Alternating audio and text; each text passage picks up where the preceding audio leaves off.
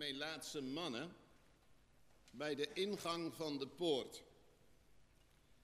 Zij zeiden tegen elkaar, waarom blijven wij hier totdat wij sterven? Als wij zeggen, wij zullen de stad binnengaan, er is honger in de stad, dan zullen we daar sterven. En als we hier blijven, zullen we ook sterven. Nu dan, kom, laten we naar de legerkamp van de Syriërs overlopen. Als zij ons laten leven, dan zullen we leven. En als zij ons doden, laten we dan maar sterven. En in de avondschemering stonden zij op om het legerkamp van de Syriërs in te gaan. Toen zij aan de rand van de legerkamp van de Syriërs kwamen, zie, was er niemand. De Heere had het leger van de Syriërs namelijk een geluid laten horen van strijdwagens en een geluid van paarden. Het geluid van een groot leger. Zodat zij tegen elkaar zeiden, zie, de koning van Israël heeft de koningen van de Hethieten en de koningen van de Egyptenaren tegen ons ingehuurd om ons aan te vallen. Zij waren opgesprongen en in de avondschemering weggevlucht. Ze hadden hun tenten achtergelaten, hun paarden en hun ezels en het legerkamp zoals het was en waren gevlucht voor hun leven. Toen nu deze Melaatsen aan de rand van het legerkamp kwamen, gingen ze een tent binnen, aten en dronken, namen vandaar zilver, goud en kleren mee en gingen het verbergen. Daarna keerden ze terug, gingen een andere tent binnen namen ook daaruit het een en ander weg en gingen het eveneens verbergen. Toen zeiden zij tegen elkaar, wij doen hier niet goed aan. Deze dag is een dag met een goede boodschap. En wij zwijgen erover. Als wij wachten tot het morgenlicht, staan wij schuldig nu dan, kom, laten wij dit in het huis van de koning gaan vertellen. Tot zover de lezing uit het woord van God. De vraag die ik in deze woordverkondiging van morgen, jonge mensen, broeders en zusters, wil stellen, is deze. Doen wij er wel goed aan.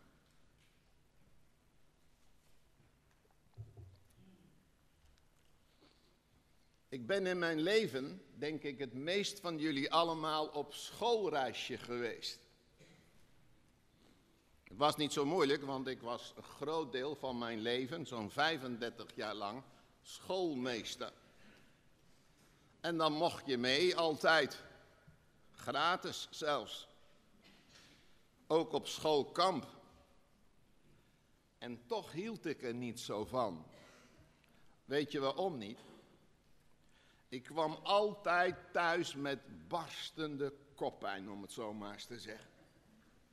Want de hele dag moet je dan ogen hebben van achteren en van voren om op al die lieve kleine belhamels te passen, zodat er niets met ze gebeurt, want Vader en moeder staan aan het eind van de dag de bus op te wachten.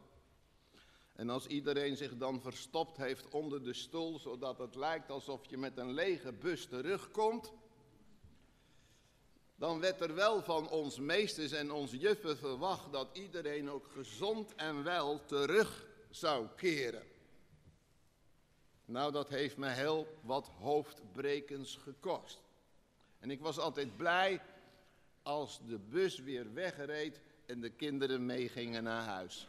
Gezond en wel. Ik heb daaraan moeten denken de afgelopen weken. En ik denk dat jullie dat ook wel meegekregen hebben.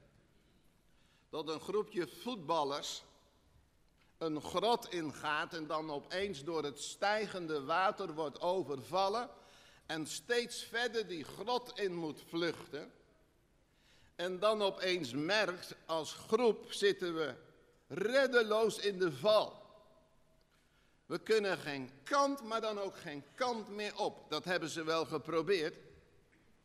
Maar de rotsen waren te hard, te dik, te hoog om een veilige uitgang te kunnen vinden. En ik denk dat ze in het begin wel een behoorlijk wat op elkaar hebben ingesproken van komt allemaal wel weer goed. Maar dan komt het op een gegeven moment zo dat je geen voedsel meer hebt. Het enige wat je kunt is je nog voeden met water. Dat was genoeg voor handen. En dat is in de bergen altijd ook wel heel goed om te drinken. Maar door het graven, door het proberen je te verlossen, nemen je krachten af. En, en wat mij zo getroffen heeft van de week in, in het interview wat ze met deze uiteindelijk geredde groep jongeren met hun coach hebben gehouden, is dat ze maar liever niet dachten aan eten. Ik denk dat we ons niet kunnen voorstellen wat die jongens met hun coach hebben meegemaakt, daar in die opgesloten ruimte. Moet je maar voorstellen. Je zit in het donker, je kunt geen kant meer op. En dan is de vraag, komen we hier nog wel weer gezond en wel uit? En dan opeens, misschien wel als de hoop helemaal weg is, is er iets van licht te zien in het water. En even later komt er een duiker tevoorschijn die wat tegen je zegt. Dat moment is niet gefilmd. Maar ik kan me zo voorstellen dat ze eerst sprakeloos hebben gekeken en, en, en er toen uitgejubeld hebben van blijdschap. Ze zijn niet alleen naar ons op zoek, maar we hebben nu ook weer verbinding met elkaar.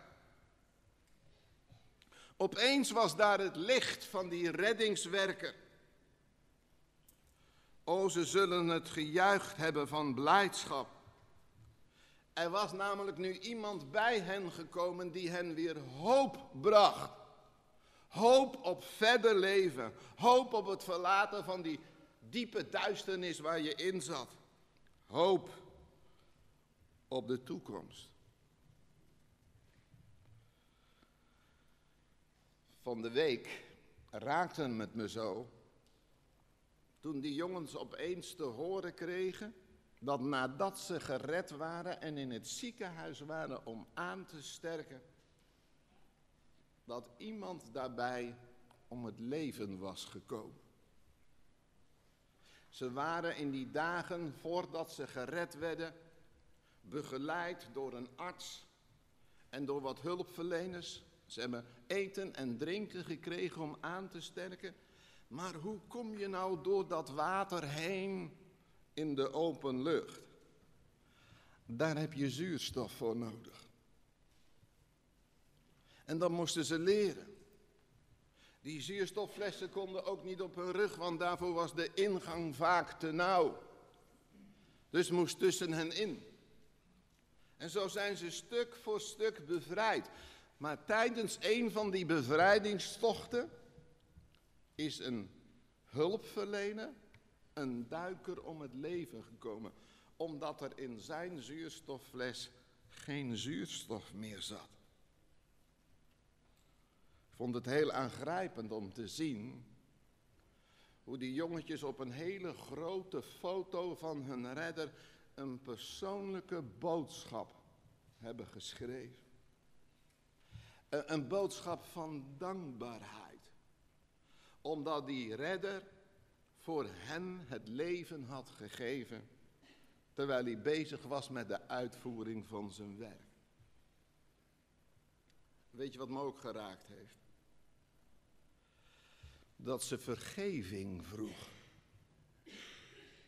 Dat ze zeiden, we hebben er spijt van dat we die grot zijn ingegaan. Dat zij ook de leider, de coach, want hij was natuurlijk ten diepste verantwoordelijk.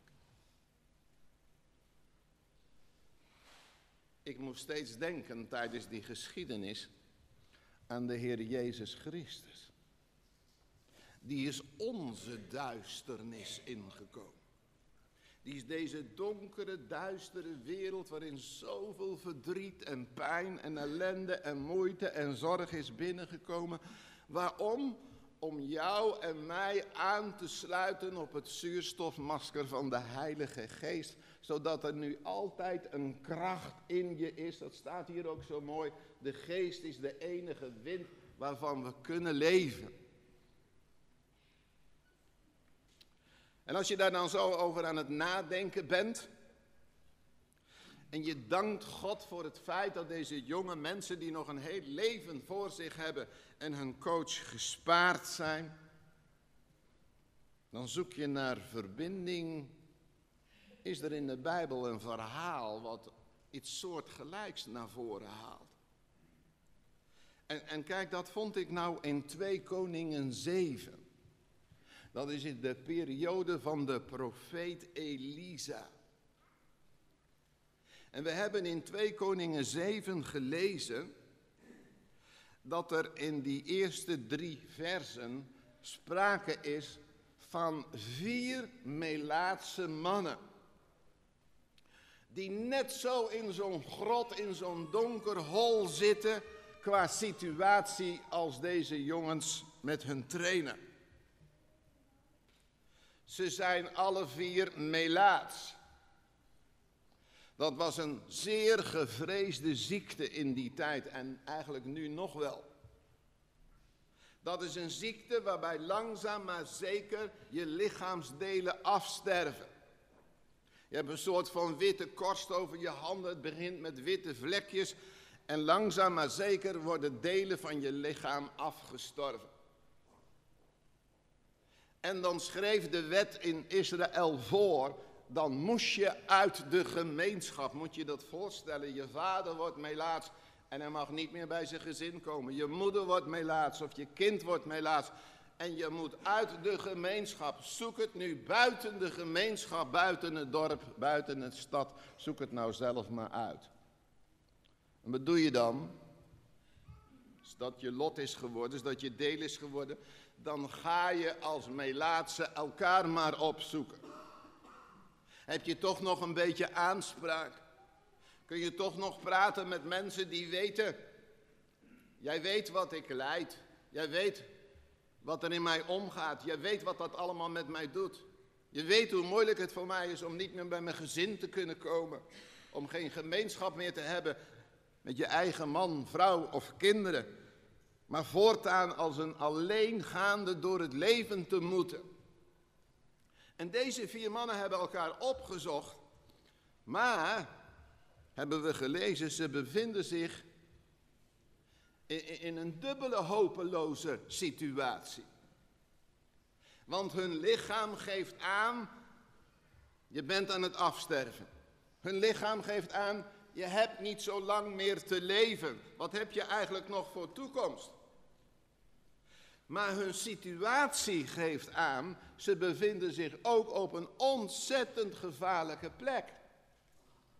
Want de vijand, het leger van de Syriërs, heeft een cordon getrokken rondom de stad. Met andere woorden, de hele stad is omgeven door soldaten, door wapens. En ze zitten daar precies tussen tussen de muren van de stad, waar ze niet in mogen, waar ze uitgestuurd zijn, en tussen dat grote cordon wat de soldaten hebben gelegd om ervoor te zorgen dat niemand meer de stad in kan en ook niemand meer de stad uit kan. Hopeloze situatie, om het zo maar eens te zeggen. En omdat ze als ratten in de val zitten, krijgen ze ook niets te eten. Dan kunnen ze wel proberen om toch nog in de stad te komen, maar ze weten ook wel dat er in de stad geen eten meer is. Daar sterven ook mensen de hongersdood. En daarom gaan ze met elkaar overleggen. Wat kunnen we nou in deze situatie het beste doen? Want de dood loert van alle kanten. En dan zeggen ze tegen elkaar, weet je, in ons woont de dood. We hebben een dodelijke ziekte, we gaan binnenkort sterven. Om ons heen heerst de dood. In de stad hoeven we geen hoop te verwachten, want de mensen zullen ons vermijden en voedsel is er niet. We hebben nog één kans. We hebben nog één mogelijkheid. Als we nou eens naar het legerkamp lopen van de Syriërs. Ja, dat zijn onze vijanden. En de kans is groot dat ze ons dan pakken en alsnog doden. Maar als ze dat niet doen, dan hebben we een kans. Dan kunnen we in leven blijven. Jongens en meisjes, vaders, moeders, broeders, zusters. In de Bijbel is melaatsheid een beeld van de zonde. En in de Romeinenbrief zegt Paulus zo nadrukkelijk, omdat wij allen gezondigd hebben, verdienen we de dood te sterven. En dan is het zo prachtig dat daar dan staat, niet een grote, dikke, vette punt, maar dat er staat een komma. Want er staat dan achter, maar de genade die God geeft, dat is het eeuwige leven. Daarvoor heeft Hij jou en mij geschapen. Daarvoor hebben we net Zijn naam groot gemaakt hebben we hem geloofd en aanbeden om wie hij is en wat hij ook elke dag van dit leven in deze stik en stik donkere wereld voor ons wil zijn. In en door de Heer Jezus Christus. En als je dat niet hebt, als je geen gelovige bent, dan ben je dus een zondaar zonder God en zonder hoop in deze wereld met de wisse dood voor ogen. Nou, deze vier mannen zijn de wanhoop nabij. Wanhoop wil zeggen dat je geen greintje, geen spiertje hoop meer. Hopeloos. Loos is zonder. Dus zonder hoop. En dan besluiten ze maar om te gaan en te zien wat er van komt. Ze denken eigenlijk bij zichzelf, nou, komen we om? Nou, dan komen we maar om. Maar als we hier blijven, komen we ook om. Dus eigenlijk hebben we ook geen andere keus. En daarom zeggen ze tegen elkaar, dat hebben we gelezen, en zien zij, de Syriërs, ons doden, zullen wij sterven.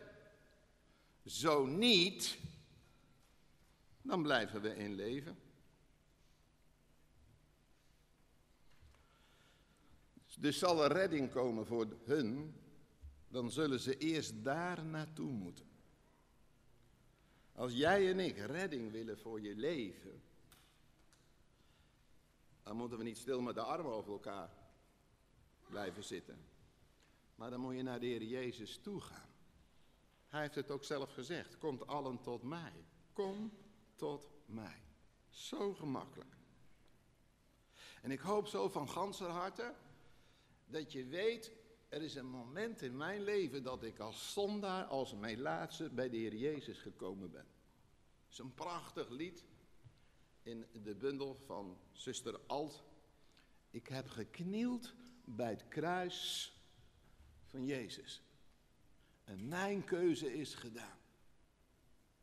En, en het geweldige is, wij leven nog steeds in een tijd die dan wel heel duister en donker en moeilijk en zwaar is, maar nog is het tijd. De Heer schenkt genade, de toekomst is vrij door Golgotha. Je kunt nog gered worden voor de eeuwige dood om over te gaan tot het eeuwige leven. Nou, Daar gaan ze. Zie je ze gaan?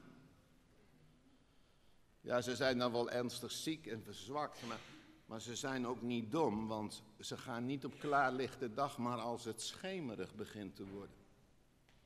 Dan heb je de meeste kans van slagen. Dan kun je een beetje in de schaduw, stukje bij beetje verder komen. En dan komen ze bij de eerste tent en wat ontdekken ze dan? Het leger waar ze zo bang voor waren.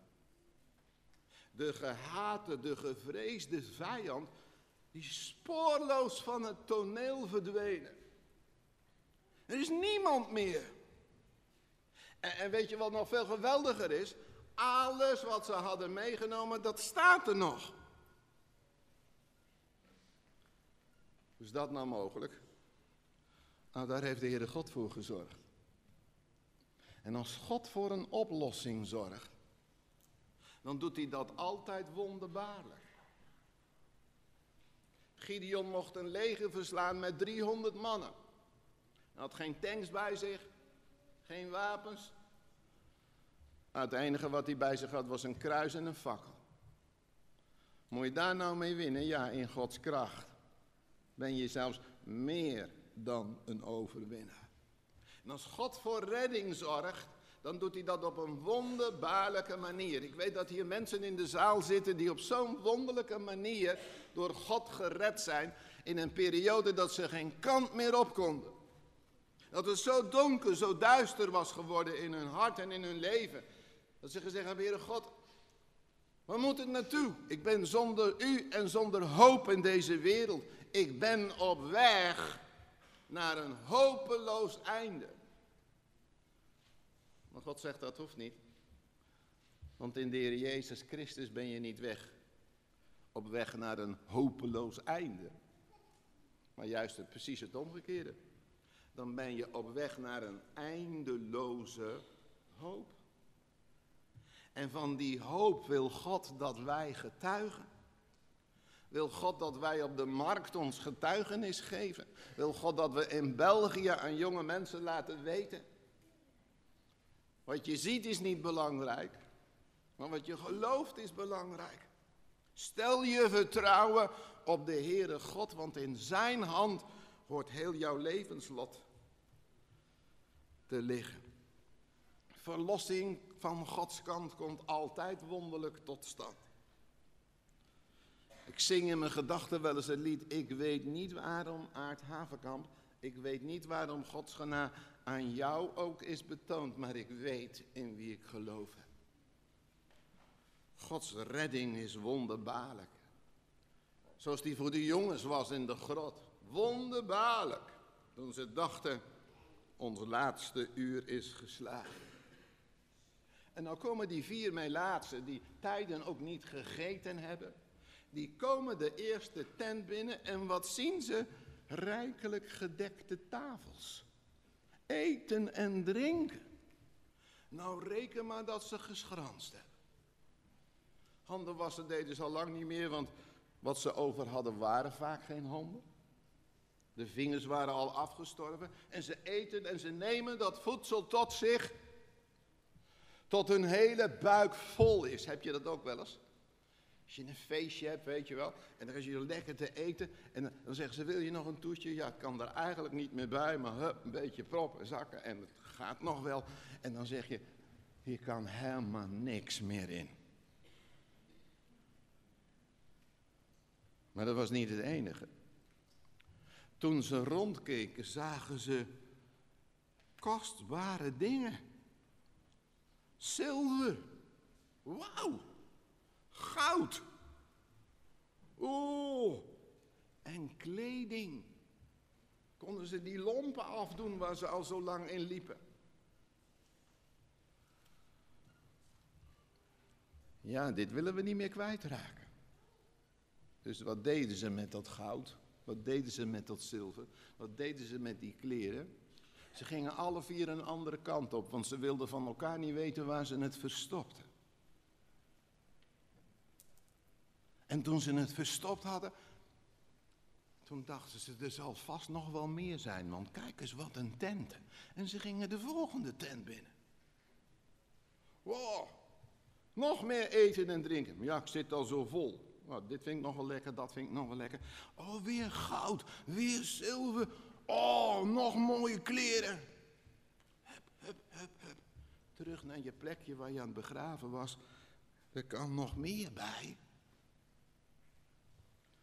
Zie je hoe die Melaatse mannen, terwijl ze gered worden, alleen maar met zichzelf bezig zijn?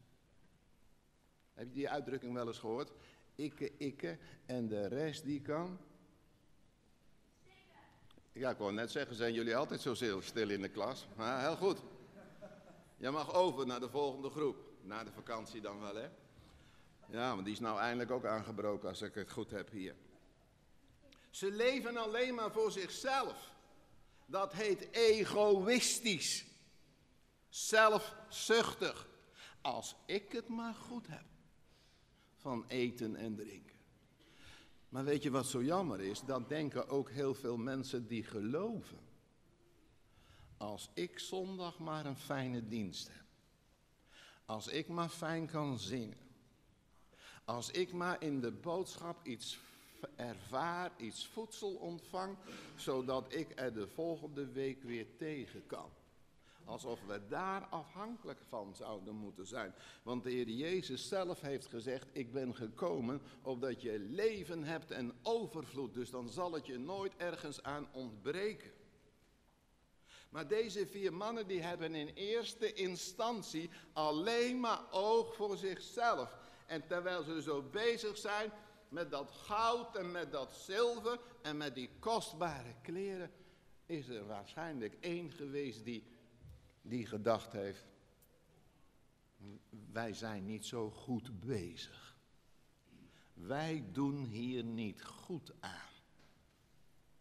En daar gaat hij over in gesprek met de anderen. Want hij zegt niet, ik doe hier niet goed aan. Maar er staat hier zo, toen zeiden zij tegen elkaar in vers 9, wij doen hier niet goed aan. Wat doe je dan niet goed? Als je een tijd lang niet te eten hebt gehad, te drinken hebt gehad, en je eet nu en je drinkt nu, want het is voorradig, dan is het toch goed dat je dat doet? Ja, dat is goed dat je dat doet. Maar weet je, vlakbij is een hele stad die honger en dorst lijdt. Zijn honderden mensen die dreigen om te komen van honger en van dorst.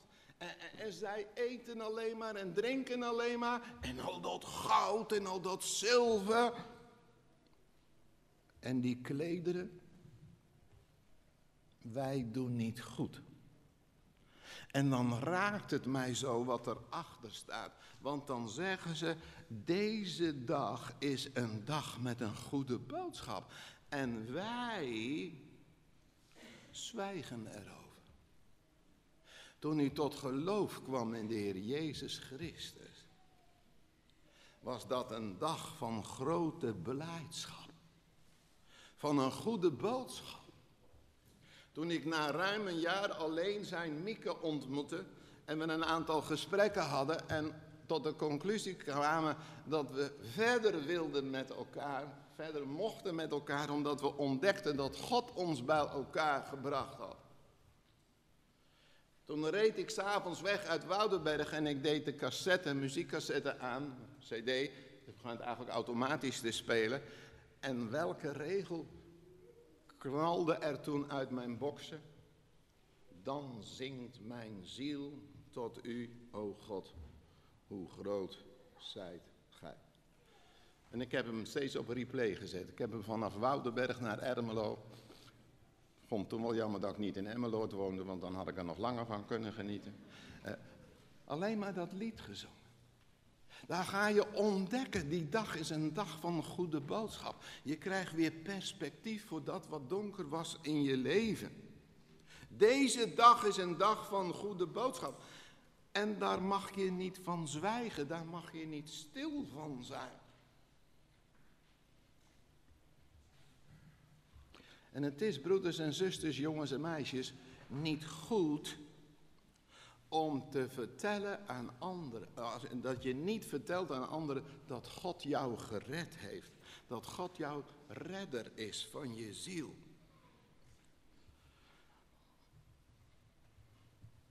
Ik vraag me wel af, waarom heeft de Heere God me deze boodschap op het hart gelegd hier voor vanmorgen? Nou, ik heb deze geschiedenis vooral ook gekozen omdat ik wist dat de kinderen in de dienst zouden zijn. Dit is een verhaal wat ze kunnen pakken. En het is zo mooi dat in de Bijbel heel nadrukkelijk staat dat God wil dat je niet wacht tot je 40 of 30 of nog ouder bent om je hart, je leven aan de Heer Jezus te geven, maar dat je daar zo snel en zo vroeg mogelijk mee moet beginnen. Er was een kleine Samuel die leefde in een goddeloze tempel, een goddeloze omgeving. Er was geen hoop meer, er was geen profetisch woord meer in zijn tijd. Maar God zei, Samuel. Het enige wat Samuel moest zeggen, dat heeft Eli hem tenminste toch nog voorgehouden. Spreek, heren, uw dienstknecht hoort. Samuel wilde een dienstknecht, een kind van God zijn. Spreek, heren. Laat maar weten wat u zegt. Billy Graham, hele bekende evangelist, is bijna 100 jaar geworden. Hij is dit jaar overleden. En hij vertelt in een van zijn boeken, ik was negen jaar oud. En toen heb ik mijn leven aan de Heer Jezus gegeven. Dat werd voor mij een dag van de goede boodschap. Hij zegt, en weet je wat ik ontdekte toen ik later op de middelbare school kwam en op de universiteit? Zag ik dat heel veel jonge mensen van mijn leeftijd grote problemen hadden die ik niet had. Want ik kende de Heer Jezus. En ik wist dat ik nooit voor een hopeloze situatie kwam te staan, want Hij was mijn hoop. Nou, tot slot dit.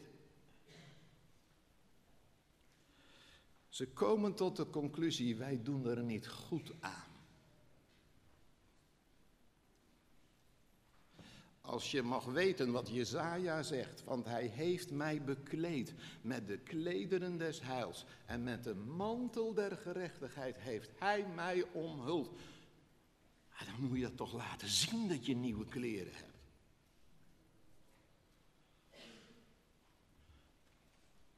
Net zei een van de broeders toen ik binnenkwam, je jasje kun je wel uitdoen, maar ik, ik, ik, draag het graag, want ik heb het net nieuw gekocht en ik vind het een mooi jasje, dus dan kunt u dat ook een beetje zien.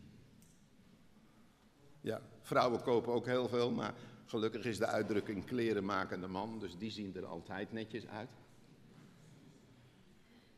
Maar, maar, als je nou iets moois koopt, dan wil je daar toch in gezien worden.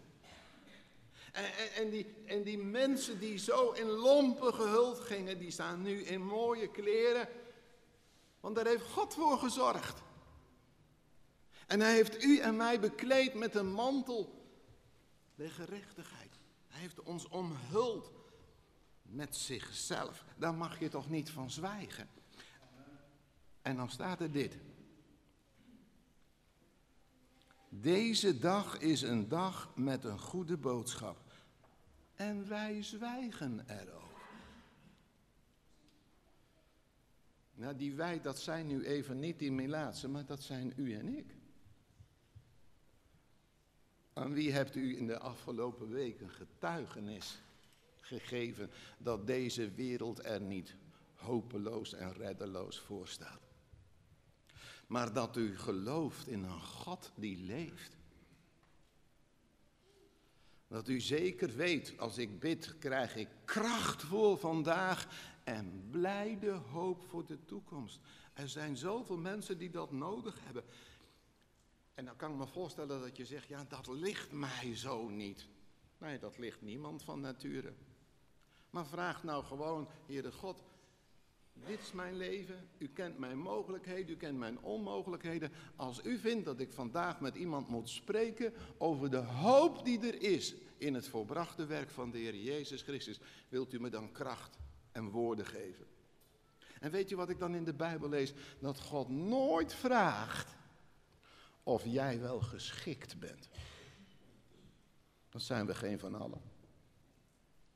Maar het bijzondere is dat God je dan als jij je beschikbaar stelt, geschikt gaat maken.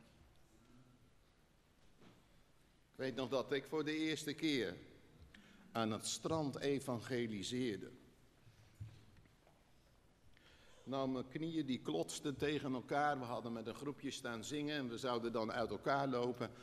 En ik loop naar een man toe. En hij staat te huilen.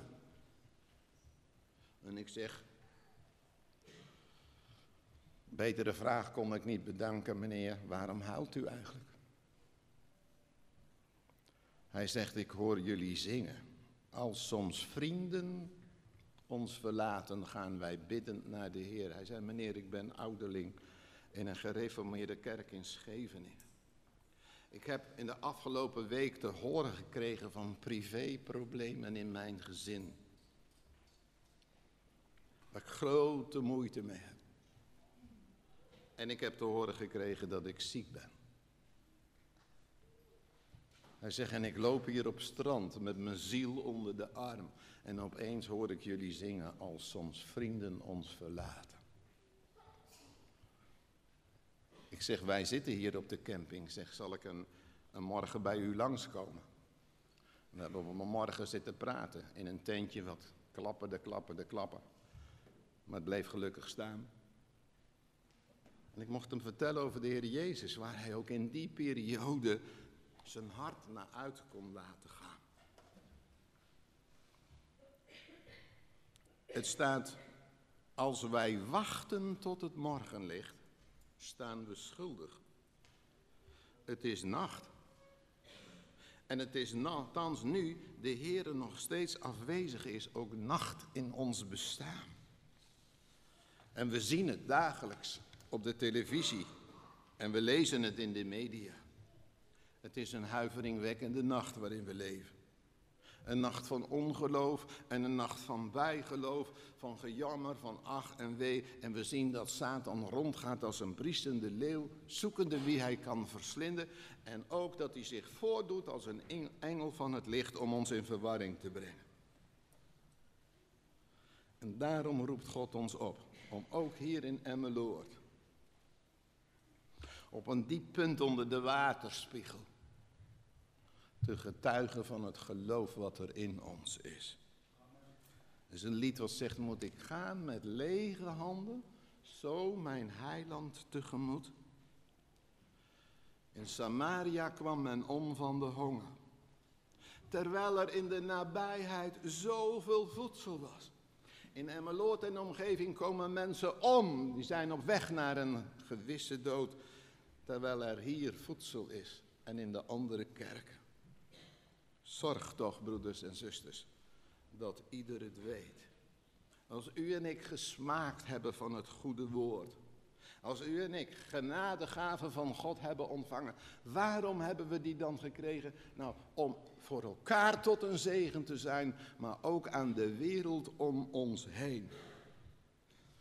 Vond zo mooi het getuigenis van de, de broeder uit België. En ik wens hem van harte Gods rijke zegen toe. Maar toen wij ooit op vakantie waren in België, toen ging ik s'avonds naar een bijbelstudie. En het was in een heel klein plaatsje, het was ook een klein groepje. En daar stond een hele eenvoudige broeder op een kostelijke manier het evangelie te verkondigen. En de buurman die naast mij zat, hij zei, ik heb deze man bij de Heer Jezus mogen brengen. Hij zei, hij moest er vroeger niks van weten. Weet je waar hij helemaal gek van was, zei hij? Van science fiction, hoe het mogelijk in de toekomst er allemaal uitziet met al die geweldige dingen die ze in tekenfilms of in films laten zien. Hij zegt, en toen ik dat ontdekte, toen heb ik een boek voor hem gekocht. Ik heb tegen hem gezegd, dit boek moet jij lezen. Je houdt van science fiction, het is het mooiste boek waarvan ik denk, dat gaat over science fiction. En toen heeft hij me het boek gegeven van Helensi, de planeet die aarde heeft, heet. En die man is tot geloof gekomen. Die heeft de science fiction, de geleerdheid van de wetenschap achter zich gelaten en is een dienaar van God geworden. Broeders, zusters, ik wil afsluiten met Romeinen 13 vers 11 en 12. Meegeven in deze vakantie als een stukje huiswerk. Romeinen 13, vers 11, waar staat, en dit te meer, omdat wij het beslissende tijdstip kennen. Namelijk dat de tijd reeds aangebroken is dat wij uit de slaap ontwaken. Want nu is de zaligheid dichter bij ons dan toen wij tot geloof kwamen. En dan komt het. De nacht is ver gevorderd en de dag is nabij gekomen. Laten wij dus de werken van de duisternis afleggen en de wapens van het licht aandoen. Broeders, zusters, jonge meisje, doen wij wel goed? Probeer mijn gedachten even te verplaatsen. Als je op vakantie bent, heb je een excuus. Maar wat zal het vrijdagmorgen druk zijn bij de evangelisatiepost? Als wij aan mensen gaan laten zien wat hij ons aan goud en zilver en kleding gebracht heeft. Zorg toch dat ieder het weet. Amen. Zullen we samen danken, bidden? O liefdevolle Vader, dank u wel dat er in zoveel die hier zijn een moment mocht komen. Dat we ontdekten hoe wonderbaarlijk u ons gered hebt voor de eeuwigheid. Hoe we tot het inzicht kwamen, ja, zijn liefde zocht mij. En zijn bloed, dat kocht mij. Door genade ben ik een kind van God. Dat het in ons hart ging zingen. Ik wil zingen van mijn heiland. Van zijn liefde, zo eindeloos groot. Maar u vraagt van ons ook of we getuigenis af willen leggen van de hoop die er in ons is. En Heer, maakt u dan maar dat we u daarom gaan bidden. Dat we nu gaan vragen, Vader, we leggen nou deze nieuwe dag in uw hand neer. U, Heer Jezus, bent de zonne der gerechtigheid, onder wiens vleugels genezing en heling te vinden is. U bent een God zo goed en zo mild, altijd een zon en een schild in het strijdperk van dit leven. Vader, voor wie mag ik er vandaag in uw naam zijn? Opdat de honger en de dorst in het leven van een ander wordt opgelost. En ze gaan eten en drinken van de Heer Jezus Christus, zodat ze nimmer meer zullen hongeren en nimmer meer zullen dorsten. Ja, inderdaad, Vader, hoe groot zijt gij? Dan zingt mijn ziel, maar ook mijn leven, tot eer en glorie voor uw grote naam. Maranatha, halleluja. Amen.